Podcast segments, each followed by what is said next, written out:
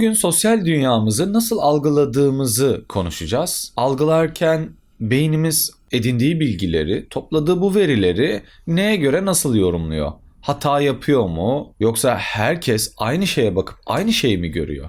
Aynı şeyi duyup aynı şeyi mi işitiyor? Zihnimizde, belleğimizde neler oluyor? Neler dönüyor? Tıpkı peşin yargılarımız gibi. Önceden bir konu hakkında, bir kişi hakkında yargılarımız olduğu zaman elde ettiğimiz bilgiyi de farklı algılamamıza sebep oluyor bu. Çok basit bir örnek vermek gerekirse herhangi bir şehirden atıyorum Gaziantep'ten iki kişiyle tanışmışsınızdır ve onlar size çok iyi davranmıştır. Ya Antepli insanlar aslında çok iyidir diye bir inancınız oluşmuştur ve daha sonra Antepli biriyle karşılaştığınızda onun iyi olduğunu düşünürsünüz. Önceden zihnimizde var olan bu yargılar yeni bilgiyi şekillendirmiştir. Ön yargıyla yaklaşmamıza sebep olmuştur. Bellek sistemimiz bir ilişkiler ağıdır ve elde ettiğimiz bilgiler her ne kadar biz o an odaklanmasak da zihnimiz tarafından algılandığında bazı şeyleri tetiklemeye başlayabilir. Tetikleme belirli ilişkilerin uyanması, aktif hale gelmesi demek. Bu konuda John Bark 1996'da yaptığı çalışmada arkadaşlarıyla birlikte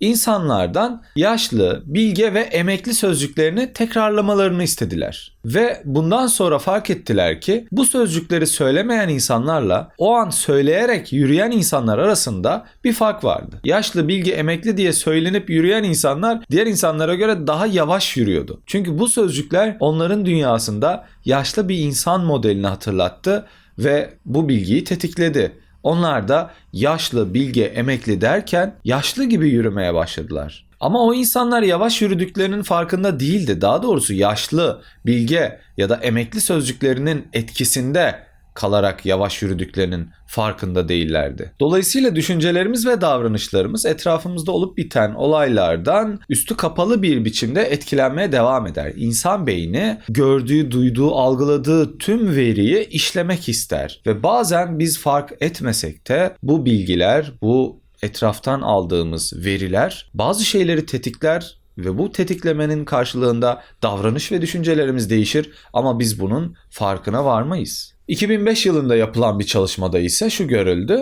Öğrencilerin bazılarına bir temizlik ürününün kokusu veriliyor. Ortamda temizlik yapılmış. O ürünün kokusu bir şekilde duyuluyor. Başka bir grupta herhangi bir şey yok. Daha sonra bu gruplara temizlikle alakalı bazı sorular soruluyor. Temizlik ürününün kokusunu alan grup temizlikle alakalı kavramları daha iyi açıklıyor ve sorulara daha çabuk cevap veriyor. Aynı zamanda temizlik ürününün kokusunu alan insanlar geçmişlerindeki anılardan örnekler verirken temizlikle alakalı anıları daha iyi hatırlıyorlardı diğer öğrencilere göre. Ve hatta o an sınıf içerisinde ya da nerede bulunuyorlarsa temiz kalmaya daha çok dikkat ettiler. Buna benzer bir örnek daha var. Lise koridorlarında öğrencilerin koridora çöp atmaması için uzmanlar bir çözüm arayışı içindeydiler ve şöyle bir fikirleri vardı.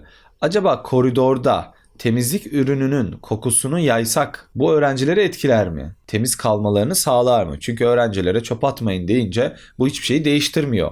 Ceza verince bu da hiçbir şey değiştirmiyor çoğu zaman. Öğrenciler yakalanmayacağını bildiği anlarda çöpü rahatlıkla atabiliyorlardı. Koridorlara temizlik ürününün kokusunu yaydıkları zaman bu kokuyu alan öğrencilerin almayan öğrencilere göre çok daha az çöpleri yere attığı görüldü. Çünkü şöyle bir algı oluştu.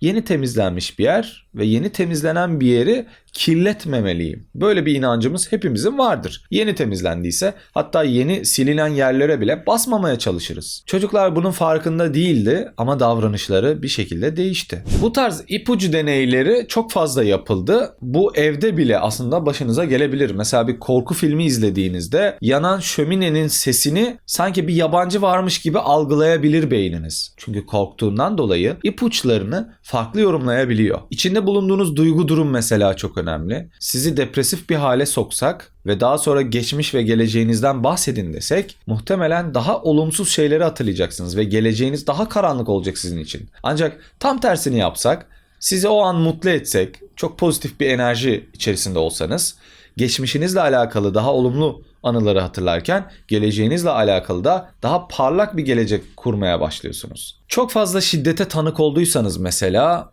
ufak itmeleri, vurmaları hemen şiddete yormaya başlayabilirsiniz. Belki iki insan şakalaşıyordu ancak ilk aklınıza gelen şey o iki kişinin kavga etmesi olabilir. Mesela futbolda bu çok yaşanır. Bazen farkında olmadan çarparlar birbirlerine. Bilerek oldu, şiddet uygulanıyor, kırmızı kart alması lazım, faal var burada diye hemen çıkışıyoruz mesela. Çünkü o alanda omuz omuza atmak dediğimiz şey ya da şiddet uygulama gibi bir beklentimiz var. Bir futbolcu diğer futbolcuya omuz atıyorsa ya da yanlışlıkla da böyle görünüyorsa bu kesinlikle bilinçli olarak yapılmıştır ve burada bir şiddet vardır gibi bir algımız oluşuyor. Normalde size sorsam psikolojik rahatsızlıklarınız var mıdır desem muhtemelen çoğunuz bilginiz dahilinde ya da daha önce duyduklarınız üzerine yorumlar yapmaya başlayacaksınız. Ancak size bir patoloji dersi versem yani psikolojik bozuklukların neler olduğunu tek tek size anlatsam ders sonrasında daha fazla hastalığınızın olduğunu düşüneceksiniz. Bu psikoloji öğrencilerine çok olur. Birinci, ikinci sınıftayken patoloji dersi alırlar. Yani psikolojik bozuklukların dersini aldığı zaman aa bende şu hastalık da var, bende bu bozukluk da var, biraz şuyum sanki, biraz buyum sanki diye kendine yakıştırmalar daha fazla olur. Aslında o kişinin psikolojik bir bozukluğu yoktur belki de.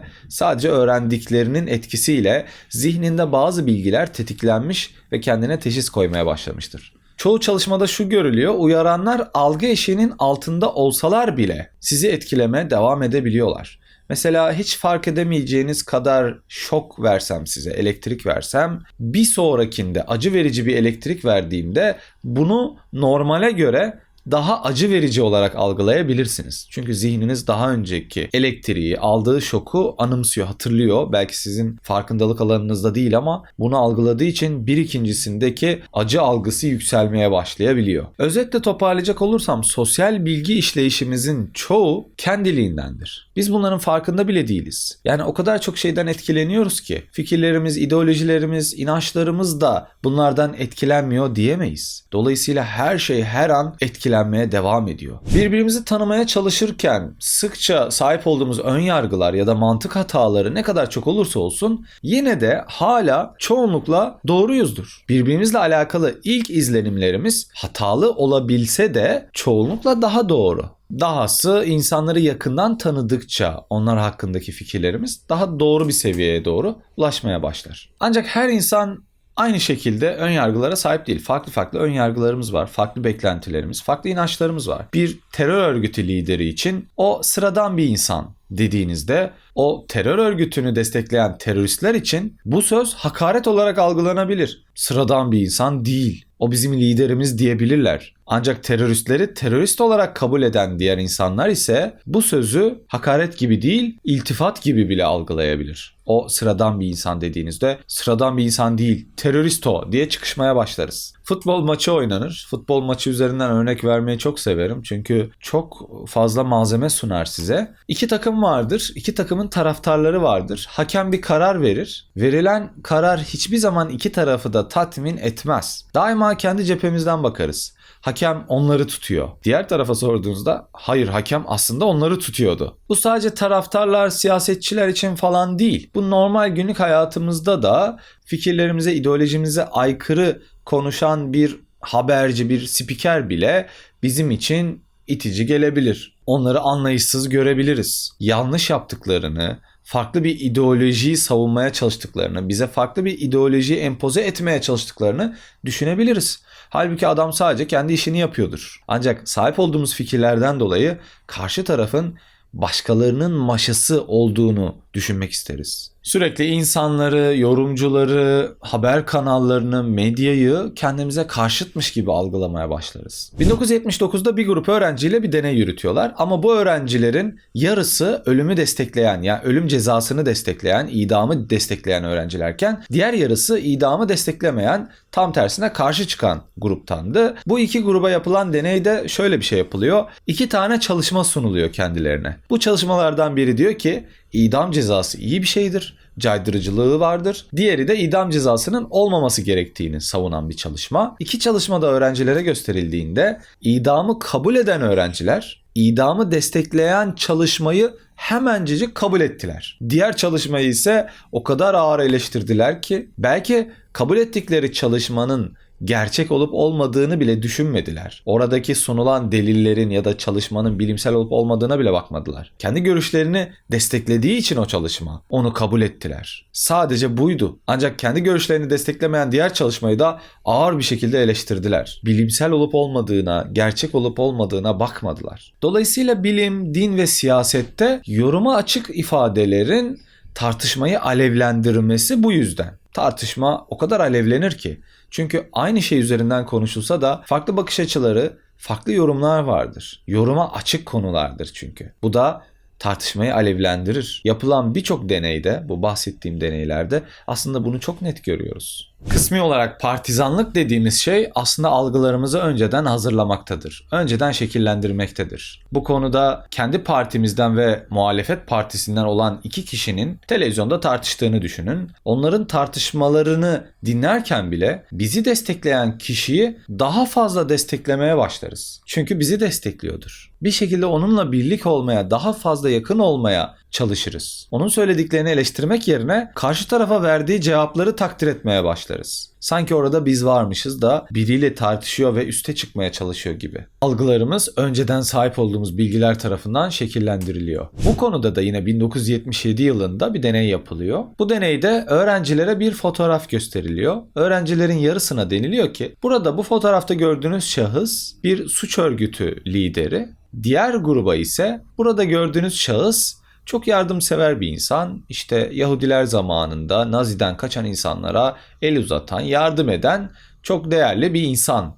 Yardımsever bir insan diyorlar. Ancak adamın fotoğrafı iki gruba da aynı şekilde gösteriliyor. Farklı bir fotoğraf gösterilmiyor. Öğrencilere şu soruluyor. Sizce bu fotoğraftaki duygu nedir? Acımasız bir tavır mı takınıyor burada sizce yoksa sıcak ve nazik bir görünüşü mü var? Yani mütevazi mi görünüyor yoksa psikopat gibi mi görünüyor sizce bu fotoğrafta? Dediğiniz zaman suç örgütü diye söylediğiniz öğrenci grubu acımasız olarak yorumlarken fotoğraftaki insanı yardımsever diye betimlediğiniz öğrenci grubuna sorduğunuzda ise aslında sıcak ve nazik görünüyor diyorlar. Bakın önceden onlara verdiğimiz bilgi onların yorumunu ne derecede etkiledi. İki grup birbirine zıt şeyler söyledi. Aynı fotoğrafa bakıp yaptılar bunu. Yani biz de bunu yapıyoruz aslında. Aynı şeylere bakıp daha önceden sahip olduğumuz bilgilerden dolayı farklı yorumlarda bulunuyoruz. Daha sonra bu etkiye Kuleshov etkisi denildi. Ünlü Rus film yönetmeninin adıyla seslendirildi. Bu film yönetmeni de benzer şeyler yapıyor aslında.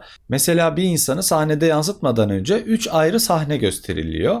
Bir tanesinde ölü kadın sonra bu kişi gösteriliyor. Başka bir sahnede çorba ve bu kişi gösteriliyor. Sonuncusunda da oynayan bir kız çocuğu gösteriliyor ve arkasından bu kişi gösteriliyor. 3 gruba ayrı ayrı gösterildiğinde 3 grupta gösterilen kişinin duygularını yorumlamaya çalışıyorlar. Bakın aynı fotoğraf. Sadece öncesinde gördükleri, aldıkları bilgi farklı. Birinci grup üzgün diyor, ikinci grup düşünceli diyor, üçüncü grup ise mutlu olduğunu söylüyor. Aynı resme bakarak. Bir diğer çalışmada da şu fark ediliyor. Hani bizler başkaları hakkında yorum yaptığımızda o yaptığımız yorumları bize yakıştırmaya başlıyorlar. Mesela ben sürekli yanınızda başkaları için dedikoducu, işte arkadan konuşan, fitne fesat çıkaran diye bu kelimeleri başkalarının arkasından sürekli söylüyorsam siz bu kelimeleri farkında olmadan bana yakıştırmaya başlıyorsunuz. Yani benim dedikoducu, fitne fesat çıkarıcı olduğumu düşünmeye başlıyorsunuz. Ama ben etrafımdaki insanlara sürekli ya çok iyi bir insan, çok cömert bir insan, çok yardımsever bir insan diye tanımlıyorsam bir süre sonra bu tanımlamalarım bana yakıştırılmaya başlanıyor. Yani başkaları tarafından da ben bu söylediğim sözlerle tarif edilmeye başlanıyorum. Sözün özü sosyal dünyamızı algılarken kendi değerlerimizin, düşüncelerimizin ve tutumlarımızın çerçevesinden bakarak değerlendiriyoruz. Dolayısıyla sahip olduğumuz inançlarımız son derece önemli. Sahip olduğumuz inançlarımızın doğru olup olmadığı, yanlış olup olmadığını eleştirmek, bunu sorgulamak son derece önemli. Çünkü sadece sahip olduğunuz inancın yanlış olması değil asıl problem. Yanlış olan inanç diğer şeyleri de yanlış algılamanıza sebep olacak. Sahip olduğumuz yanlış bilgilerin ve inançların algılarımızı nasıl şekillendirdiği ile alakalı konuşmaya devam edeceğiz. Bir sonraki videomuzda görüşmek üzere. Şimdilik hoşçakalın.